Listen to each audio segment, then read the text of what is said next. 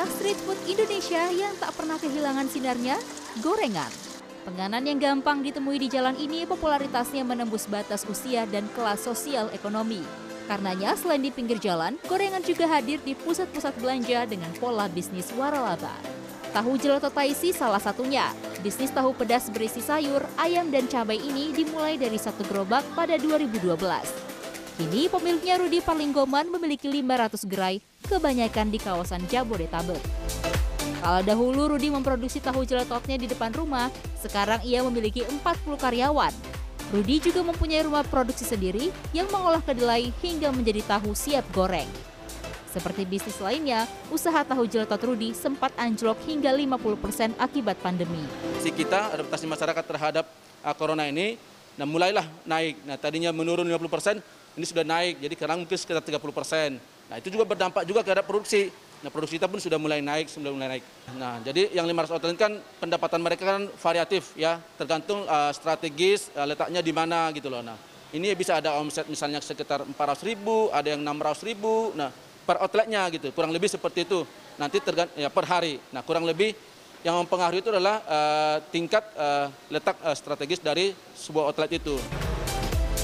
Selain tahu, ada gorengan lain yang juga banyak penggemarnya. Bakwan. Ada bermacam-macam bakwan di Indonesia, tapi yang satu ini bakwan ala Pontianak.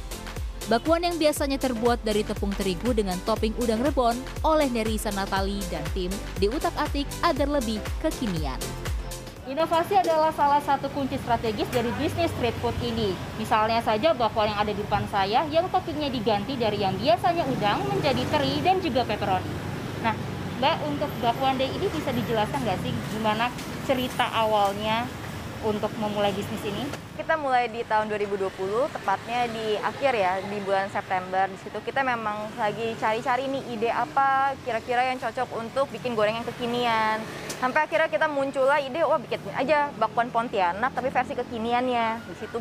Untuk strategi bisnis mungkin karena uh, kita punya keunggulan juga ya. Bakwan Day ini simple dan memang untuk menjadikan sebuah bisnis ini tuh uh, sangatlah mudah, gak perlu uh, effort yang seperti apa, seperti membuka restoran besar, karena kita hanya gerobak saja.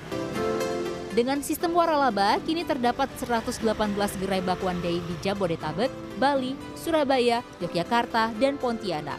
Perputaran uang di setiap kedai berkisar 600 ribu sampai lebih dari 1 juta rupiah per harinya. Tim CNN Indonesia, Jakarta.